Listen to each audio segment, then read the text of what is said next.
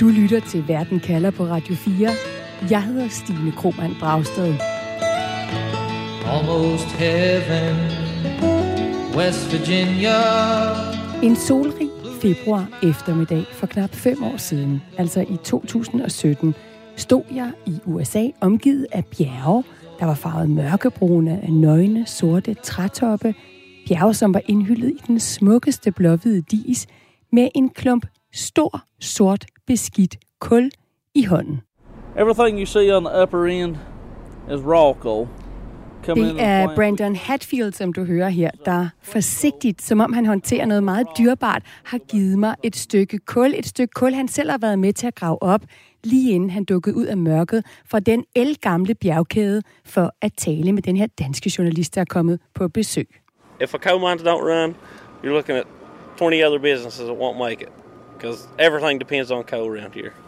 Jeg var taget til amerikanske West Virginia for at prøve at forstå, hvorfor de mange kulminearbejdere i delstaten som Brandon Hatfield ikke bare fandt nogle andre jobs og sagde farvel til de beskidte og sundhedsskadelige jobs i kulminerne. It's the easiest thing to make real good money. Det er den letteste måde at tjene gode penge på, fortalte Brandon mig. Og han havde ikke lyst til at forlade West Virginia, det sted han kalder hjem, det sted hans familie har arbejdet i kulminerne i fem generationer. Yeah, I've been here my whole life. Everybody, everybody in my family run coal mines. Take me home to the place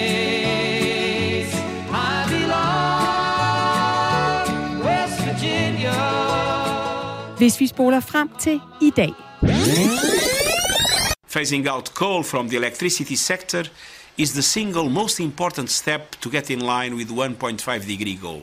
Så lyder beskeden fra FN's generalsekretær Antonio Guterres, at det skal være slut med kul for at nå klimamålene. Once upon a time, coal brought cheap electricity to entire regions and vital jobs to communities. But those days are gone. På det klimatopmøde, hvor verdensledere lige nu mødes i Skotland i Glasgow, der sagde de britiske værter for klimatopmødet, at nu kommer vi til at se enden på kul, efter at en række nye lande netop i den her uge har lovet at udfase gamle kulkraftværker og stoppe med at bygge nye. Så jeg tænker på Brandon Hatfield i West Virginia, for hvem kul ikke først og fremmest er et beskidt og forurenende stof, men er vejen til et godt liv. Og jeg tænker på de 7 millioner andre mennesker verden over, der lever af at skaffe eller producere energi fra den her sorte bjergart, som vi stadig i høj grad bruger til at opvarme vores hjem og få elektricitet fra. Derfor går jeg i dag i verden kalder på jagt efter det, som den her sorte klump kul også er – en grund til, at det er svært for verdens ledere at komme videre end fine ord og aftaler på klimatopmødet i Glasgow, og faktisk skride til handling for at begrænse udledningen af de gasser, som varmer vores klode alt for hurtigt op. Og derfor spørger jeg i dag, hvis vi alle er enige om, at vi ikke ønsker flere oversvømmelser, skovbrænde eller hedebølger, hvad forhindrer os så i at få styr på verdens klima? blah, blah, blah, blah, blah, blah. I hope we will move from the blah, blah, blah to the actions. I think it is a problem that China uh, is not attending this meeting. It's one minute to midnight on that doomsday clock, and we need to act now. Hey, a little less conversation, a little more action. All this aggravation ain't satisfaction. A little more fight, a little less spark. A little less fight, a little more spark. Close your mouth and open up your heart, baby, satisfy me. Our animals and people are dying. Two degrees is a death sentence. This is the challenge of our collective lifetimes. Blah, blah, blah. No action. USA's præsident Joe Biden er en af de verdensledere, der i løbet af denne uge mødte op til klimatopmødet i Glasgow og slog fast, at denne gang ved dette klimatopmøde skal der handling til. It's simple. Will we act? Will we do what is necessary? Biden blev i to dage og var både med til at få nogle aftaler i hus om at mindske rydningen af skove verden over og sænke udledningen af metan, en menneskeskabt drivhusgas, der ligesom CO2, altså koldioxid, er med til at varme jorden op. It amounts to about half, half the warming we're experiencing today. just methane exposure. So, together, we're committing to collectively reduce our methane by 30% by 2030. Så der kom masser af flotte erklæringer, mens Biden gæstede den skotske havneby. Men to ting kunne Joe Biden ikke levere. USA's underskrift mangler nemlig på den nye aftale om, at det skal være slut med kul. Det samme gør underskrifterne fra for eksempel Kina og Australien, nogle af de mest kulafhængige nationer. Et skisma, som forhandleren fra det energihungrende og klimaramte Bangladesh havde denne her kommentar til. Uh, they say that in next 30 years, uh, 25% of Bangladesh will go underwater. The big countries uh, should learn probably from Bangladesh because we have announced that we will do away with 10 coal-based power plants. I mean, that's a huge commitment for a country like Bangladesh, who is energy hungry. Og endnu vigtigere, så hjælper Bidens mange flotte ord på klimatopmødet ikke med at dække over, at præsidenten ikke selv kan levere en amerikansk klimalovgivning. Demokraterne kunne nemlig ikke blive enige om at vedtage en klimalovgivning i kongressen og måtte sende Biden tomhændet afsted til Glasgow. Her er det Niels Bjerg Poulsen, lektor i amerikansk politik ved Syddansk Universitet, der forklarer. Klimalovgivningen er en del af den store lovpakke, Biden og demokraterne prøver at få igennem kongressen, det de kalder Build Back Better. Og gæt, hvor den ene af de to senatorer, der holder deres stemmer tilbage fra klimalovgivningen, kommer fra. Han hedder Joe Manchin, og ja, han er valgt i West Virginia, den amerikanske delstat med allerflest kulminer. Og der er en, et, et, et stort, en stor klimakomponent, det er måske endda den vigtigste komponent, men det er måske også det, der gør, at øh, han ikke har fået øh, den endelige tilslutning fra de to demokratiske øh, senatorer, som øh, endnu ikke øh, har sagt, at de vil godkende den endelige lovpakke, nemlig senator øh, Joe Manchin fra West Virginia og senator Kirsten Sinema fra, fra Arizona. Det er sådan set dem, der gør, at der ikke for længst er vedtaget den store lovpakke, hvor klimaprogrammerne indgår i. Hvilken rolle, øh, Nils, spiller Joe Manchin her? Altså det, der er særligt ved Joe Manchin, er, at det næsten er natur, naturstridigt, at han er blevet valgt som demokrat i staten West Virginia. Det er en stat, der ved det seneste præsidentvalg sidste år, øh, der vandt øh, Donald Trump West Virginia med 40 procent point. Øh, så man kan sige, det er en dybt, dybt rød stat i den amerikanske betydning, republikansk stat. Men Joe Manchin har altså formået øh, siden 2010 at vinde valg i West Virginia. Og han ved godt, at de andre demokrater ved, at hvis han ikke øh, stillede op i West Virginia, så var der sandsynligvis ikke nogen anden demokrat, der ville være i stand til at vinde den senatsplads. Så hvis de presser ham voldsomt hårdt, og han ligefrem sagde, så kan det være det samme. Nu forlader jeg partiet, eller nu bliver jeg republikaner. Så mister de samtidig deres flertal. Det gælder sådan set også Kirsten Sinema i Arizona. Så derfor har de to senatorer så frygtelig stor indflydelse, fordi de sidder sådan set på nogle pladser, som ellers ville være uden for demokraternes rækkevidde. Og så er der det særlige ved West Virginia, at det er en af USA's fattigste stater. Det er også en kulproducerende stat. Så øh, mens det måske samlet set ikke er så mange mennesker i USA, der beskæftiger sig med kulproduktion, så er det altså en vigtig del af økonomien i, i West Virginia. Og derfor er der så øh, modstand øh, hos Manchin øh, mod de dele, der handler om hurtigt at afvikle øh, produktion af kul til fordel for øh, vindmøller og andre energiformer, øh, når der skal produceres elektricitet. Det kan godt være, at han pakker det ind på en anden måde og siger, at jeg er tilhænger af, at vi gør noget ved klimaforandringerne, men det er også vigtigt, at vi har forsyningssikkerhed, og det er også vigtigt, at USA er selvforsynende. Men det er dybest set en anden måde at sige på, jeg har ikke tænkt mig at, at slagte alle de arbejdspladser i West Virginia på grund af den her energilov. Nils, da, en af de gange, jeg var i, i West Virginia og talte med nogle af de her kulminearbejdere, det var lige efter, at, at Obama havde vundet første øh, gang, og mange af dem havde faktisk stemt på ham. Øh, fordi det er jo, som du også siger, øh, en, en stat, hvor de godt kan stemme demokratisk, hvis de synes, det er en, en kandidat, der, der ligesom for eksempel kan leve op til at levere nogle jobs. Og han lovede jo Obama i starten at levere en masse grønne jobs. Det gjorde han ikke, og da Hillary Clinton så bagefter prøvede at vinde præsidentvalget, og jeg igen rejst rundt i West Virginia, så troede de jo ikke meget på de her løfter øh, om, de, om de grønne jobs. Er det det, der ligger bag os noget af den skepsis med det her med at fase kulindustrien ud i West Virginia? Altså, der, man kunne godt spørge udefra, kan de ikke bare få nogle andre jobs, hvis den her kulmineindustri er ved at være passé? Så skal man få virksomheder til at placere deres øh, produktion af vindmøller og andet lige præcis i West Virginia.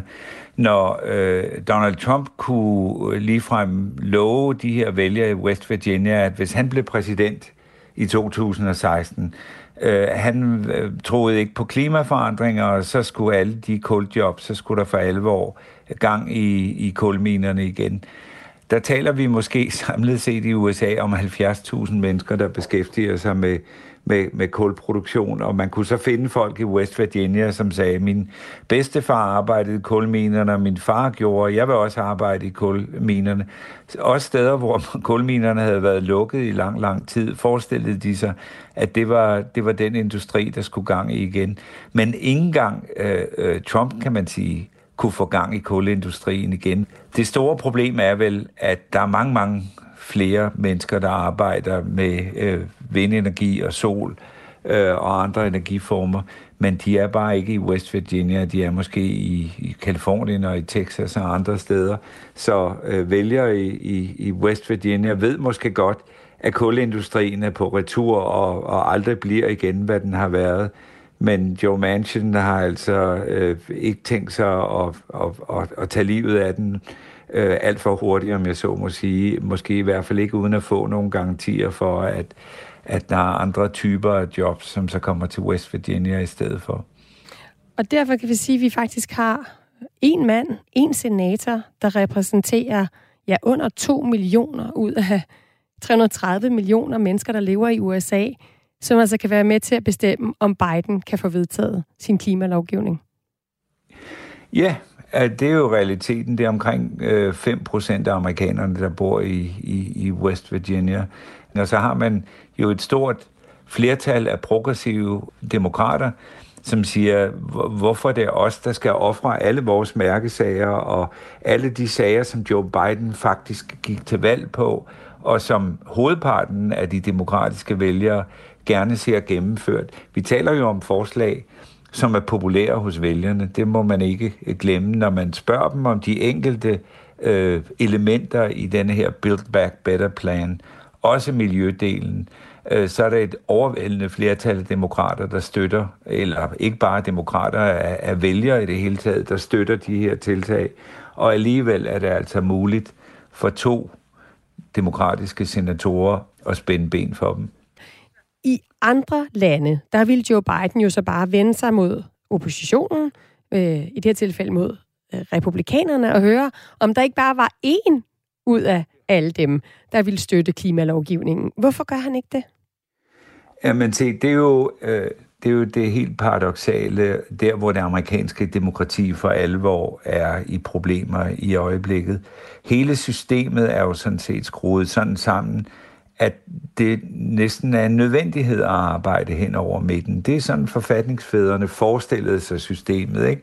At, øh, ja, man kan sige, de forestillede sig slet ikke, der var politiske partier, men de forestillede sig, man forhandlede, og så nåede man et resultat. Modsat øh, i et parlamentarisk system, som det vi har i Danmark, hvor man kan sige, man kan udskrive valg, og så kan man øh, forhåbentlig få en flertalskoalition, og så kan man sådan set få den lovgivning igennem, man, man, øh, man gerne vil have igennem.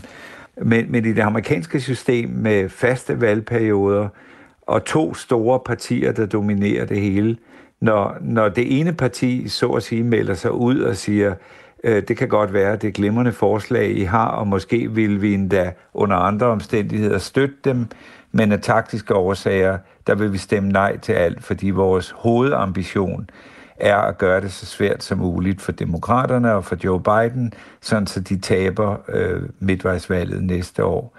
Det er den situation, vi befinder os i, og, og, og, og det er jo ikke normalt for et politisk system.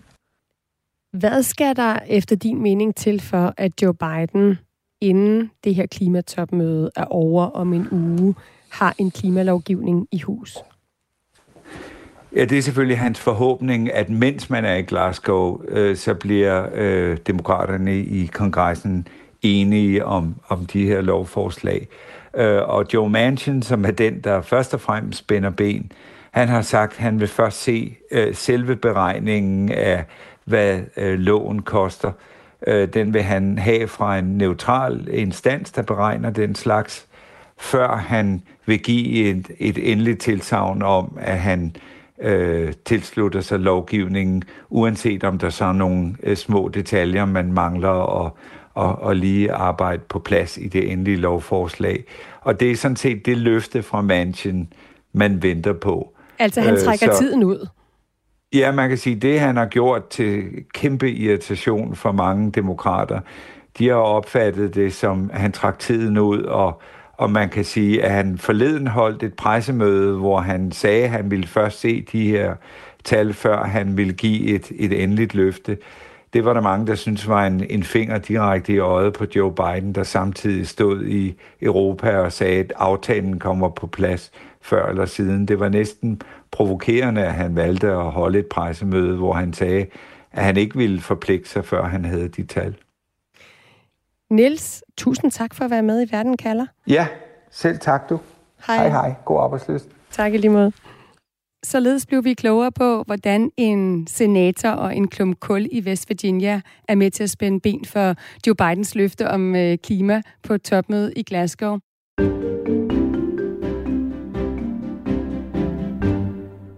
Du lytter til Verden kalder, hvor jeg i anledning af klimatopmødet, der er i gang i Glasgow, spørger, hvis vi alle er enige om, at vi ikke ønsker flere oversvømmelser, skovbrænde eller hedebølger, hvad forhindrer os så i at gøre noget for verdens klima, altså gribe til handling, der gør, at klodens temperaturer ikke fortsætter med at stige?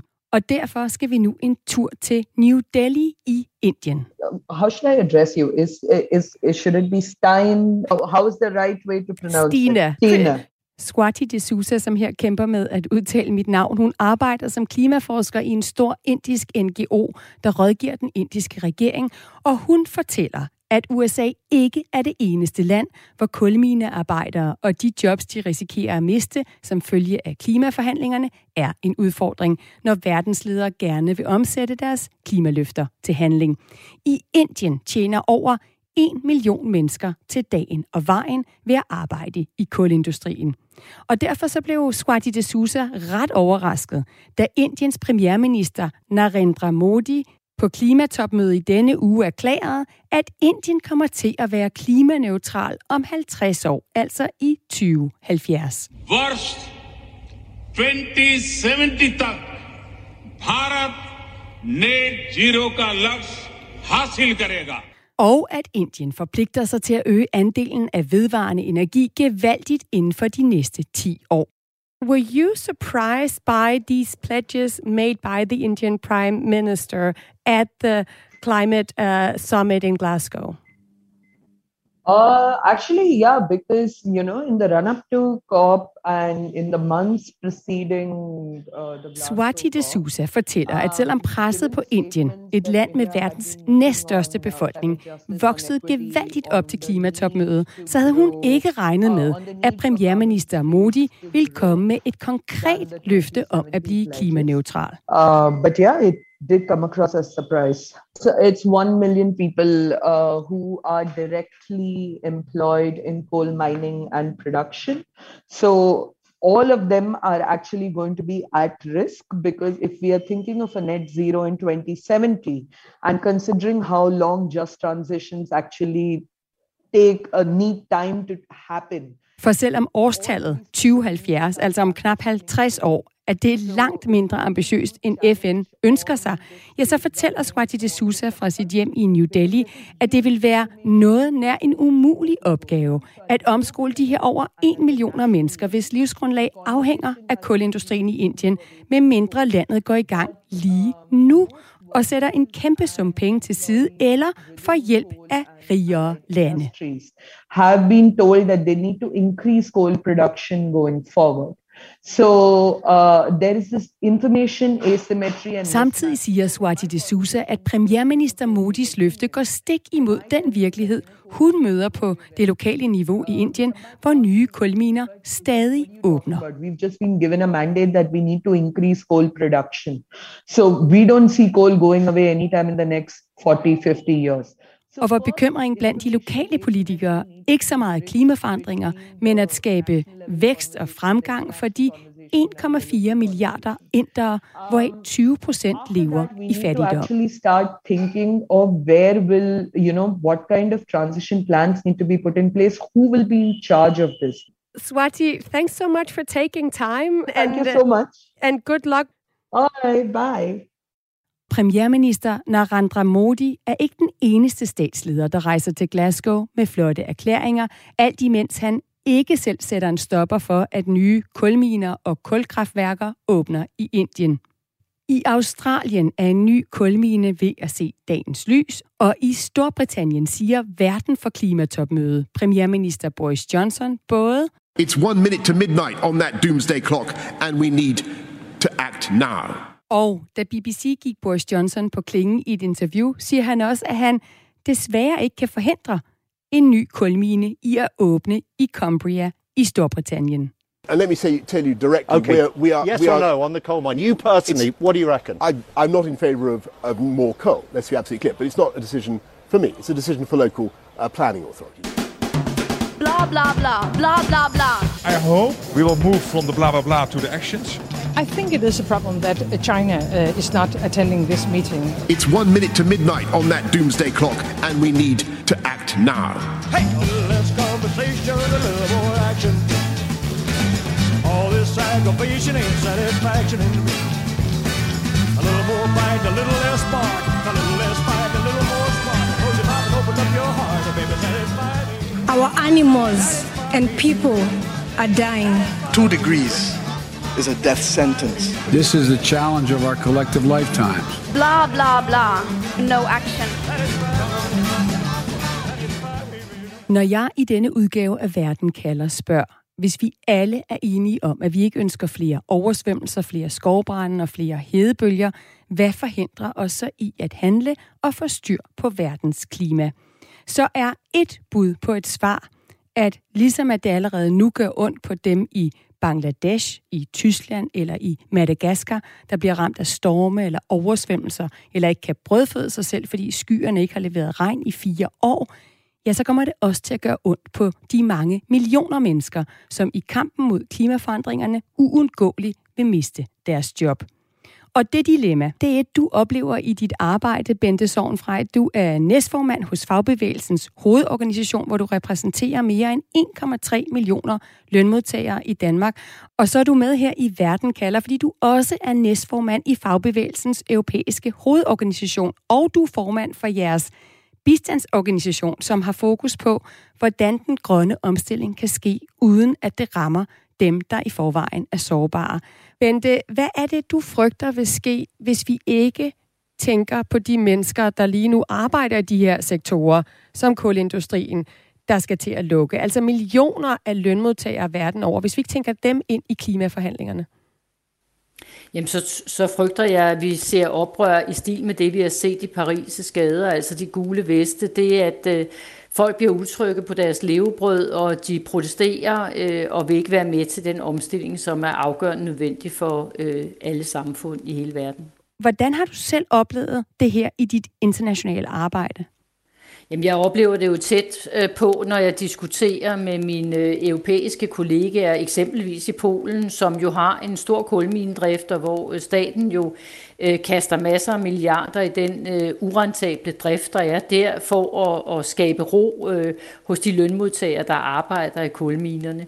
Øh, og det øh, forudsætter jo, at man får dem med på vognen, og jeg er blevet råbt af indtil flere gange af mine kollegaer, jamen det er så let øh, bare at sige, at vi skal have grøn omstilling, men hvordan gør vi det, hvis vi har en øh, stat, som ikke vil bidrage, for eksempel med omskoling øh, af, og nye kompetencer til medarbejderne, jamen så er de vrede, de bliver også vrede på mig, når jeg siger, at den grønne omstilling er nødvendig, så derfor er det helt afgørende at motivere gennem uddannelse og omskoling af medarbejdere. Give dem en tryghed for, at de også har en fremtid, de har noget at leve af, øh, de har nye job øh, i sigte. Så nu hørte vi lige fra Swati de Sousa, som øh, sidder i Indien og følger den omstilling, der skal ske der, nu hvor premierminister Modi har, har meldt ud, at inden for de næste 10 år, jamen altså, så skal 50 procent af deres energiforbrug komme fra vedvarende energi, og lige nu kommer 70 procent altså fra kul. Så det er en gevaldig meget hurtig omstilling, de skal i gang med. Hun siger, 20 millioner indere øh, arbejder eller er afhængige direkte eller indirekte af kulmineindustrien øh, i Indien. Hvad er det for en udfordring, de står overfor med den erfaring, du har? Jamen, hvis man ikke kan vise dem, der er nye job i andre industrier, jamen så, øh, så bliver de modløse, og så holder de jo fast i det, de har, og bekæmper øh, den grønne øh, omstilling. Det vi gør hos os, det er, at vi har mange gode erfaringer i Danmark, og det vi gør, vi har lavet en ny hjemmeside i Fagbevægelsens hovedorganisation, Just Transition Together. Øh, vi har omsat øh, mange af vores Altså retfærdig omstilling. Øh, ja, og så, øh, så har vi, lægger vi øh, løbende eksempler ind på, hvordan man ved hjælp af inddragelse af medarbejdere og uddannelse øh, for folk med i den grønne omstilling. Og der har vi gode eksempler. Esbjerg Havn som et sted, som har levet af olieindustrien, som nu lever mere af den grønne industri, og vi har også andre eksempler. Og det er jo det, vi forsøger både herhjemme, men også europæisk og også i vores globale hovedorganisation og øh, få indflydelse på, altså at man sikrer, at man inddrager øh, dem, der skal være med, fordi det er alt for risikabelt øh, at få øh, folk imod sig. Øh, vi ser det jo også med migration i de øh, lande i Sahel-provinsen i Afrika, som, øh, hvor tørken øh, tager al landbrugsjorden, øh, og folk bliver nødt til at flytte. Hvis man ikke kan sætte dem, stille dem nogle nye ting i udsigt, altså nye job et andet sted, og flytte dem væk fra det landbrug, som ikke er rentabelt mere på grund af tørke, jamen så får man altså bare noget modstand, og vi får nogle migrationsstrømme rundt omkring i øh, verden, som er helt ustyrbare for, for os alle sammen. Det vi kan gøre i Danmark, og det vi har gjort, hvor realistisk er det at kunne bruge i øh, Indien, i afrikanske lande? Det er sværere, når vi kommer i nogle af tredjeverdenslandene, hvor øh, økonomien er utrolig stram, men der må man presse på og prøve at sikre, at man også får opbygget noget kapacitet, altså lønmodtagere, fagforeninger, arbejdsgiverorganisationer, der kan være med til at understøtte det. Det forsøger vi gennem Ulandssekretariatet og understøtte kapacitetsopbygning, så man har nogle sociale parter derude, man rent faktisk kan have den her dialog med. Det, det er helt afgørende. Vi kan, bare, vi kan ikke bare eksportere, men vi kan vise de gode eksempler, og så kan vi prøve at, at, at pushe på. Men det her skal jo helst gå stærkt. Øhm, og der er jeg er nervøs for, at der er for mange pæne ord og for lidt handling, også selvom pengene er sat, sat af. Så Bente, nu, når du følger det her klimatopmøde i Glasgow, som slutter om en uge. Hvad synes du så ser ud som den største øh, udfordring? At jeg undersøger det her program, de benspænd, der er for, at vi er alle sammen enige om, hvad udfordringen er. Vi har alle sammen sagt ja til øh, at gøre noget, men som du selv siger, så er det handlingen, der i høj grad mangler. Det her med at sørge for, at alle dem, altså også fattige lønmodtagere, millioner af dem verden over, har en fremtid, hvis vi faktisk skal have en, en grønnere verden, og en verden, hvor temperaturen ikke stiger. Er det noget der, hvor du sidder og får, hvor det knuger i maven over, gud, kan vi klare det? Ja, jeg synes, det er en kæmpe udfordring. Jeg håber, vi kan klare det, men det forudsætter altså, at vi alle sammen er, øh, altså har mere end ord i munden, altså at der også er handling bag. Og jeg tror, at hvis vi ikke laver tætte partnerskaber på kryds og tværs omkring det her, jamen så når vi ikke de mål, som sættes op i, i Glasgow øh, og Paris-aftaler osv. Altså, så er vi alt for langt væk, og så øh, sker der ikke noget øh, inden for de år, som er nødvendige for at lave den her grønne omstilling. Men, men jeg frygter rigtig meget, at hvis ikke man kan sikre tryghed til de mange mennesker, der arbejder i de udsatte erhverv, altså guldindustrien, øh, landbruget, Sahelprovinsen osv., jamen så, så får vi altså nogle øh, problemer, som også kan være sikkerhedspolitiske utrolig svære for os at styre. Så derfor så øh, er det en, en bunden dagsorden at have en dialog og sikre, at folk kan se en mulighed for også at få brød på bordet, øh, når de skal skifte fra et øh, erhverv til et andet. Tusind tak, Bente Sovnfrej, for at være med i Verden kalder. Selv tak. Lytter til Verden kalder på Radio 4. Så verdens ledere står midt i et kæmpe dilemma, når de i disse uger mødes til klimatopmøde i Glasgow. På den ene side er de enige om, at klimaforandringer er et problem, og de har givet hinanden hånden på, at vi skal holde os under en temperaturstigning på to og endda helst halvanden grader. Men hvis de på den anden side handler, som de har lovet for at nå det her mål, ja, så vil det have store omkostninger. Det dilemma fik mig til at tænke på en teori, som hedder spilteori, som jeg lærte, da jeg studerede statskundskab for mange år, er det efterhånden siden, der netop forsøger at forklare, hvad det er, der sker, når vi havner i de her dilemmaer, hvor alle vil have det bedre, hvis vi handlede, men hvor alle risikerer at tabe, hvis de er de eneste, der gør noget. Og heldigvis så er jeg ikke øh, den eneste, der har studeret statskundskab og synes, at det er spændende, hvis en teori kan forklare, hvorfor det er så svært for politikerne at handle på de løfter, de giver til de her klimatopmøder. Det synes du nemlig også, Henrik Jebsen. Tak for at være med i Verden kalder. Tak skal du have. Du er klimapolitisk konsulent hos Fagbevægelsens hovedorganisation, men grunden til, at jeg har inviteret dig med i Verden kalder, det er, at du også har stor erfaring med klimaforhandlinger og har skrevet en PhD, som blandt andet kigger på spilteori. Allerførst, Henrik, kan du ikke prøve at forklare mig, hvad er spilteori? Altså, hvorfor hedder det spilteori? Jo, det lyder nemlig indviklet fra starten, men det behøver det ikke nødvendigvis at være. Spilteori kan man sige går ud på at prøve at forstå og forklare Øh, noget indviklet ude i verden, hvis man forestiller det sig sådan lidt som et spil. Så i virkeligheden handler det om at opstille nogle simple regler og en slags matematisk formel, øh, som forudsiger, hvordan vil folk eller lande gøre i en bestemt situation. Så man kan jo prøve at bygge sådan et spil øh, stille og roligt op. Det er det, som spilteoretikere øh, de gør. De ser på, hvad, for nogle regler kan sige noget om, hvad det er, der sker ude i virkeligheden. Så i det øh, spil, kan man sige, der beskriver klimaforhandlingerne, der vil man sige, at hver spiller, de vil så være landene, får nogle point, hvis den er med til at løse øh, klimaproblemet. Men de får flest point i spillet, hvis de læner sig tilbage og lader de andre løse problemet. Og det er jo fordi, at det koster noget som udgangspunkt at løse problemet og reducere sine drivhusgasudledninger. Men alle er ligesom en del af årsagen til det. Så for det enkelte land kan det godt give mening at lade alle de andre lande reducere deres udledninger, og måske gøre lidt ekstra, mens de selv gør så lidt som muligt. Så udfordringen det bliver, at alle burde egentlig samarbejde, fordi det vil være det bedste for, for gruppen og kloden som helhed, men hver enkelt øh, har en, øh, en grund, kan man sige, eller et incitament til at, at læne sig tilbage og få de andre til at gøre mest muligt.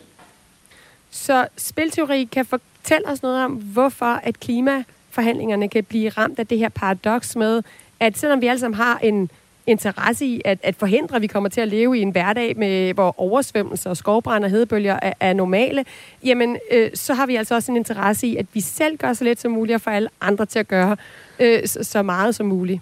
Vi kan jo prøve at sammenligne det med et andet problem. Skal vi prøve det? Lad os gøre det. Godt. Øh, de fleste kan huske, at øh, de har gået i skole. Øh, nogle går måske i skole endnu, og har været en del af sådan noget gruppearbejde. Og der kan man godt egentlig stille et spil op, der minder lidt om det. Hvis man nu forestiller sig, at man i skolen øh, skal lave et, øh, et gruppearbejde, lad os sige, man er måske fire i en gruppe, men alle får den samme karakter. Der er det lidt det samme, fordi der vil være enkelt af de her fire elever være bedst stillet ved at lade de andre gøre arbejdet, for de får jo alligevel sådan den samme karakter. Men hvis de selv kan holde fri og lade de tre andre gøre det, jamen så er det jo fint. Og det er jo igen det her med, at karaktererne, der alligevel fælles om, de bliver ikke belønnet individuelt. Og på samme måde er vi jo også fælles om, om klimaet og, og atmosfæren. Så man kan simpelthen godt have lyst til at være den der elev, der freerider lidt. Altså få en gratis omgang, hvis man kan få de andre til at gøre arbejdet, så man kan få den gode karakter. Ja, præcis. Man kan også kende det fra arbejdsweekender, eller hvem går ud med skraldet derhjemme. Det er, det er godt for os alle sammen, hvis, øh, hvis nogen går ud med skraldet, men hvorfor skal det lige præcis være mig? Kunne det ikke, øh, kunne det ikke være de andre? Hvis vi så vender tilbage til de her klimaforhandlinger, som i år er i Skotland i Glasgow, hvor USA's præsident Joe Biden jo er mødt op. Det er der andre verdensledere, der ikke er. Blandt andet Kinas leder Xi Jinping og Ruslands leder Vladimir Putin. Men altså Biden er mødt op, og han er mødt op øh, godt nok med en masse løfter og en masse idéer, men faktisk uden en klimaplan, der er vedtaget i den amerikanske kon- kongres. Hvad betyder det så for for eksempel Kinas incitament, altså for deres vilje til at sige, okay, vi vil gerne forpligte os? Ja, og det er jo, det er jo et godt spørgsmål, og nu, nu bliver det her spilteori øh, sjovt, når vi prøver sådan at bringe det lidt tættere på, øh, på virkeligheden og se, jamen øh, hvis det ikke bare er, er nogle, øh, nogle brækker eller nogle elever, der er ens, men der er lidt forskel på, hvem de er, og vi kan sætte nogle ansigter på. Øhm, så det Biden jo gør, er jo, at, hvad kan man sige, prøve at få de andre spillere til at levere så meget som muligt, uden nødvendigvis at skulle gøre det maksimale selv.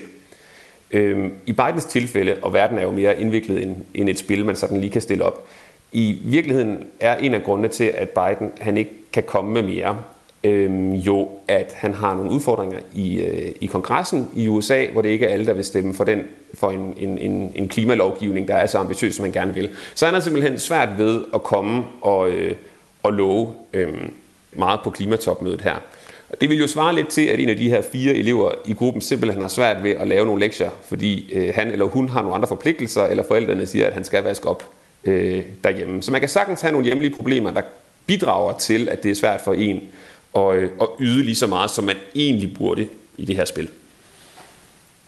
Og øh, når det så gælder øh, klima, og når det gælder, hvordan højere temperatur påvirker os, så er der også nogle lande og nogle mennesker, der har mere på spil end, end andre. Øh, prøv lige at høre øh, den her kvinde. 1.5 is what we need to survive. 2 degrees is a death sentence for the people of Antigua and Barbuda.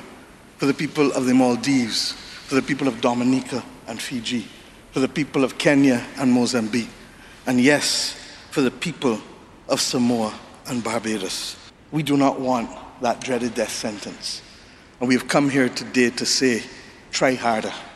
Ja, we've come here today to say try harder. Det her, det er Barbados premierminister Mia Motley. Og hun kalder det altså for en dødsdom for indbyggerne i de her ø-nationer som hendes, hvis verdenstemperaturen får lov til at stige øh, mere end 2, 2 grader. Og lige nu, Henrik Jebsen, så siger FN's øh, klimaekspertpanel jo, at vi faktisk øh, med den manglende handling, der har været indtil videre efter Paris-aftalen, er på vej mod 2,7 grader stigning, hvis der ikke kommer mere handling. Så Mia Motley her og Barbados indbygger, de står vel svagere som spillere i det her spil, end vi for eksempel gør i Danmark, hvor vi ja godt kan frygte, at der kommer for meget nedbør, eller vi måske ikke, øh, vi skal vende os til sommer, der er varmere end, end de plejer, men ikke har helt så meget på spil. Ja, det er fuldstændig rigtigt. Og det er nok et meget godt tidspunkt lige at sige, at selvom vi taler om det her som et, som et spil, så er det jo ikke i en negativ forstand eller en, en arrogant forstand.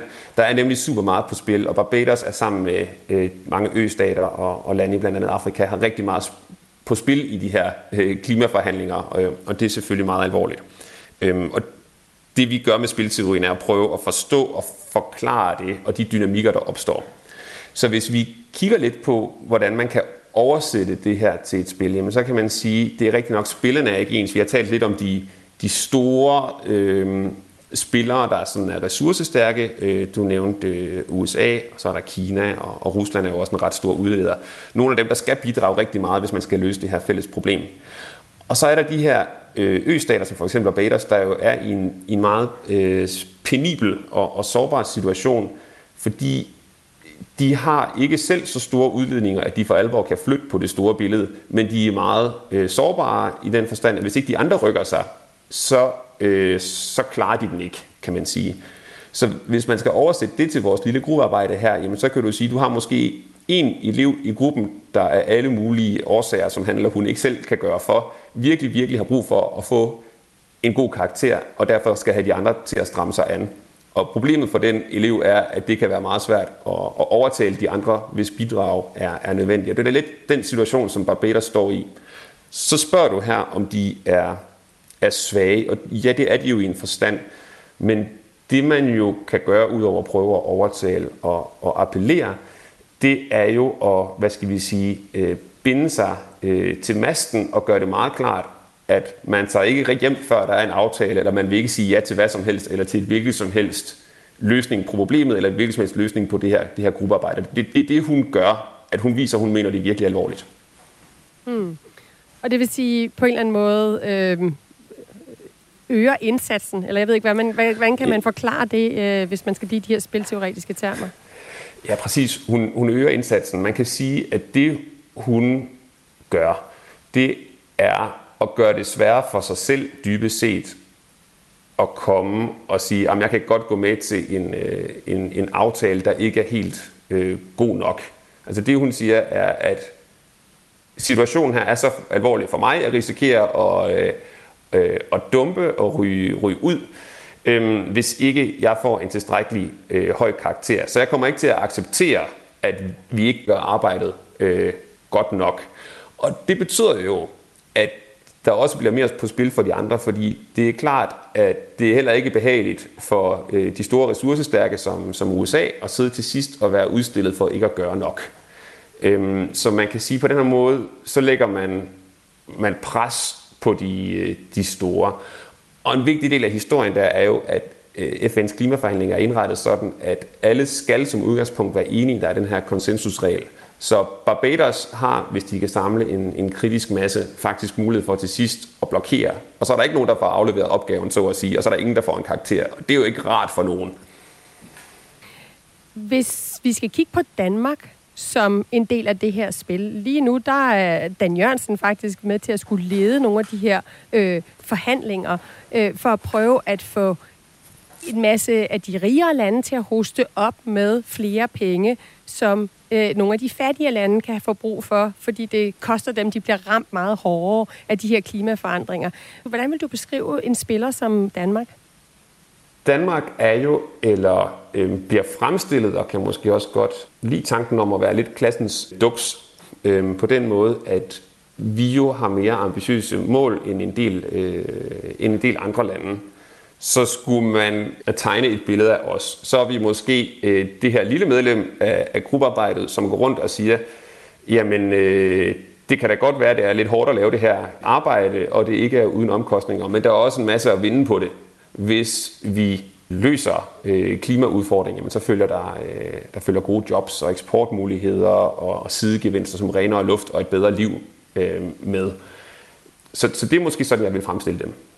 Så og det er jo en meget pæn fremstilling, så hvis jeg nu skulle blive i dit, dit billede her med, med skolegruppen, så kunne man måske også sige, at det er den her elev, som øh, har lidt let ved at, at få gode karakterer, som siger, se nu bare på mig, se hvor mange skulderklap jeg får af alt det gode, jeg gør. Kan I ikke bare alle sammen gøre ligesom mig, så får vi et 12-tal?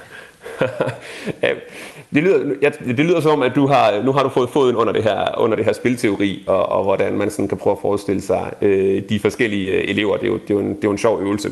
Og der er jo nok noget om, om det, du siger, ikke? at det er, øh, vi, kan, vi kan indgyde noget, noget, øh, noget positiv energi, om jeg så må sige, i, øh, i forhandlingerne. Øh, og vise nogle løsninger, om det så er øh, vindmøller, eller det er en kommende brintteknologi, eller hvad det er, at sige, prøv at høre, det er ikke sikkert, at det her arbejde bliver så slemt og så hårdt og så dyrt, øh, som andre går og tror. Henrik Jebsen, det der jo så er problemet, det er, at spilteori jo i høj grad forklarer, hvorfor at det er rigtig, rigtig svært at lave de her klimaforhandlinger. Altså kan forklare, hvorfor man står i et dilemma og ofte er låst fast. Sådan som der jo er mange af øh, aktivisterne øh, uden for øh, klimatopmødet i Glasgow, der mener, at politikerne er. Altså det er alt sammen ord, bla bla bla, og ingen handling. Så lad os lige kigge på, fordi spilteori er jo heller ikke en dommedagsteori. Øh, det er jo en teori, som selvfølgelig er udviklet for at, at se, om den kan hjælpe med at løse nogle af de her dilemmaer, som, som vi står i og bliver fastlåst af. Hvis vi nu vender os mod øh, dem nu, altså de mulige løsninger, så vil jeg lige prøve at spille her er, hvis jeg har forstået det rigtigt, det kan du så fortælle mig, om jeg har et meget klart bud på en løsning fra vores egen finansminister Nikolaj Vammen, altså fra Socialdemokratiet, som øh, også var til klimatopmøde i Glasgow i den her uge. Det er vigtigt at øh, lægge et maksimalt pres øh, på mine finansministerkolleger i forhold til, at øh, vi når målet om 100 milliarder øh, dollars til klimafinansiering. Øh, og det er desværre ikke alle lande, der har leveret på det. Øh, Danmark har gjort det, men andre skal også gøre det, hvis vi skal hjælpe ikke mindst de fattige lande, der ikke selv har råd til at lave klimainvesteringer, til at gøre det til gavn for dem selv, men jo også til gavn for os alle sammen, for vores planet. Og der er det altså vigtigt, at øh, alle landets finansminister og regeringer øh, tager ansvaret på sig. Det er jo interessant, øh, Henrik, fordi øh, målet er jo, når vi har klimaforhandlinger, at få lande til at reducere udledningen af gasser, der opvarmer kloden. Her der taler vores finansminister Nikolaj Vammen om penge. Er det så et forsøg på at løse dilemmaet? Ja, det kan man godt sige, og på mange måder en, en rimelig løsning. Nu prøver vi så at gøre spillet lidt mere indviklet ved at sige, jamen øhm, måske så er der andet i forhandlingerne end bare reduktioner. Og det er jo så i det her tilfælde, øh, tilfælde øh, penge eller, eller øh, finansiering. Og det er der jo netop fordi, at landene er forskellige. At øh, for nogle lande kan der være et stort behov for at få øh, hjælp i form af finansiering til at, at gøre noget. Altså det er jo svært for øh, de lande, der traditionelt er blevet set som udviklingslande, måske at rejse penge selv til klimaprojekter øh, midt i de øh, store udfordringer, de i øvrigt øh, slås med, bare øh, udvikling øh, sådan i, i, i bred forstand. Kan man så forstå det her med at smide penge på bordet som en måde at for eksempel sige på øh, til, til en af, af eleverne, som måske ikke er specielt interesseret i at få en høj karakter i samfundsfag, lad os sige, det er et samfundsfag øh, øh opgave, man prøver at løse i det her klimaspil, men, øh, men har det rigtig svært med matematik, at så kan jeg komme og sige til den elev, ved du hvad, jeg vil gerne hjælpe dig med din øh, matematikopgave, så du kan få en, en god karakter i den, det ved jeg, du gerne vil have, hvis du hjælper mig med at gøre en indsats, ligesom alle de andre i det her gruppearbejde i vores samfundsfagsopgave. Ja, så kan det jo godt være noget for noget, at øh, hvis øh, du hjælper mig med samfundsfaget, så kan jeg hjælpe med matematikken. Og igen, det kan godt lyde lidt som sådan øh, Jallerup Marked, dyrskue, studehandler, men i, hvad skal man sige, hvis målet sådan set er at gøre verden til et bedre sted og få den mest ambitiøse klimaaftale, så giver det jo god mening. Og det er jo også derfor, at klimaforhandlingerne handler om rigtig mange ting. Ikke bare reduktioner, men også klimatilpasning, som især ulandene har brug for. Afskovning, som jo betyder meget overalt på kloden, men igen især i ulandene, øh, overførsel af teknologier, og så altså finansiering. Det, det er en, en, en meget stor pakke, så det er ikke kun et spil om én ting, som, som vi startede med at snakke om, men faktisk mange spil ved siden af hinanden. Så Henrik, hvis vi nu lige forestiller os, at, at jeg er den elev, som ikke gider at gøre den store indsats, øh, eller har det en stor motivation til den her samfundsfagsopgave, som du gerne vil have en god karakter i, men jeg har virkelig problemer med matematik, og det ved jeg, at du er dygtig til. Det kan du hjælpe mig med.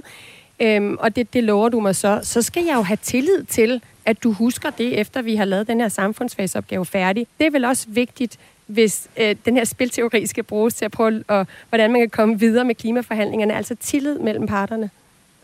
Ja, præcis. Tillid øh, er vigtigt, fordi selvfølgelig bliver det nemmere at samarbejde og få alle til at hjælpe hinanden, hvis der er tillid. Øh, jeg vil tro, at den her øh, gruppe af elever vil have nemmere ved at få lavet en god samfundsfagsopgave, hvor alle hjælper, hvis de også har hjulpet hinanden de sidste 10 uger med andre afleveringer. Øh, på samme måde i klimaforhandlingerne er tillid super vigtigt for at sørge for, at alle kan være med. Men i virkeligheden så ser vi jo, at det faktisk har været svært at få opbygget den tillid i, øh, i klimaforhandlingerne. Allerede fra starten af klimaforhandlingerne i klimakonventionen fra 92 hed det, at, at I-landene skulle hjælpe U-landene med penge og teknologioverførsel, og, og fra U-landenes side føler man nok aldrig, at de løfter er blevet honoreret. Og, og senest har vi jo set det her i optakten til COP26, øh, at det løfte, som I-landene tidligere har givet om at rejse 100 milliarder dollars om året til, til, til ulandene, der har man altså kun nået til, til 80. Og det bliver jo betragtet af nogen som et, øh, et, et, et tillidsbrud. Henrik, hvad vil dit råd være til øh, Boris Johnson, som jo altså leder øh, de her klimaforhandlinger i, i, i Skotland? Man kan sige, at han står jo ligesom og får en, en ekstra bonus, øh, ud over at få den gode karakter, så får han en ekstra bonus, hvis han kan få alle til at arbejde sammen og, og få underskrevet en eller anden aftale.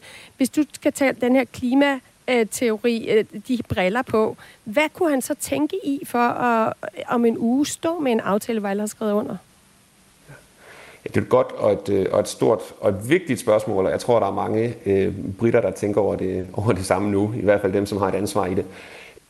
Det er vigtigt at sige, at, at der nok ikke kun én ting, de skal gøre, britterne, og de er ikke i sig selv tilstrækkelige til, at det her kan lykkes. Altså, der er ikke noget, et formandskab i forhandlingerne kan gøre, som får alle til at rykke sig. Det har man i hvert fald øh, aldrig set. Nogle gange har formandskaber øh, prøvet. Øh, det gjorde det danske formandskab blandt andet i, i COP15 meget ihærdigt at prøve at få nogle af de store spillere til at flytte sig. Øhm, og, og erfaringen derfra var, at det er godt nok svært.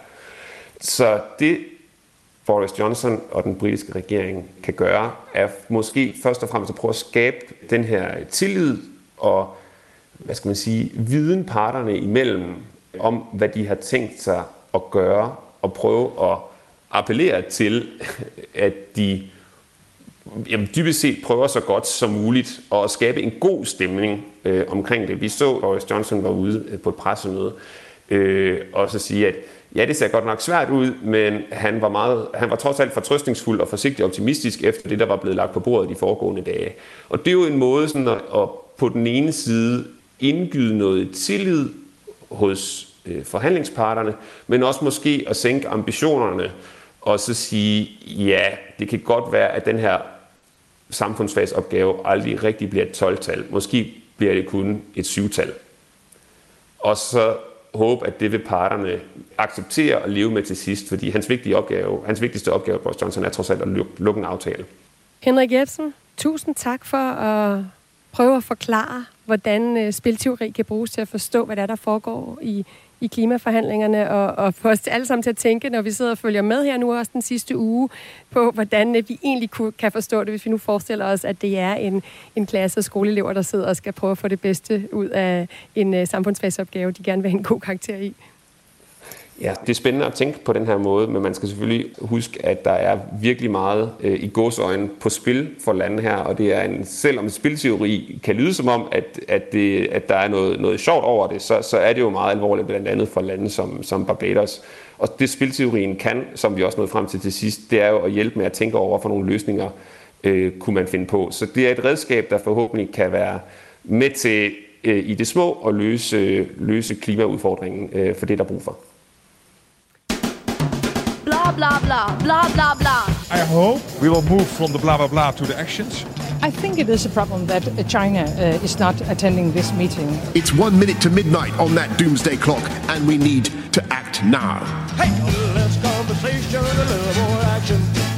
Hvis vi alle er enige om, at vi ikke ønsker flere oversvømmelser, flere skovbrænde og flere hedebølger, hvad forhindrer os så i at handle og få styr på verdens klima?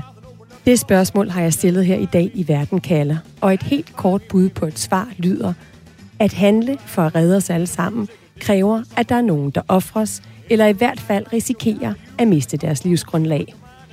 Og det skaber modstand, og det koster penge og ressourcer at rette op på. Samtidig resulterer mangel på handling lige nu, at klimaforandringer skaber ødelæggelser for planter og dyr og mennesker over hele kloden. Derfor står politikerne i et dilemma og har svært ved at løse det fælles problem, der er med stigende temperaturer, selvom vi alle sammen gerne vil have en verden uden de her flere oversvømmelser, skovbrænde og hedebølger.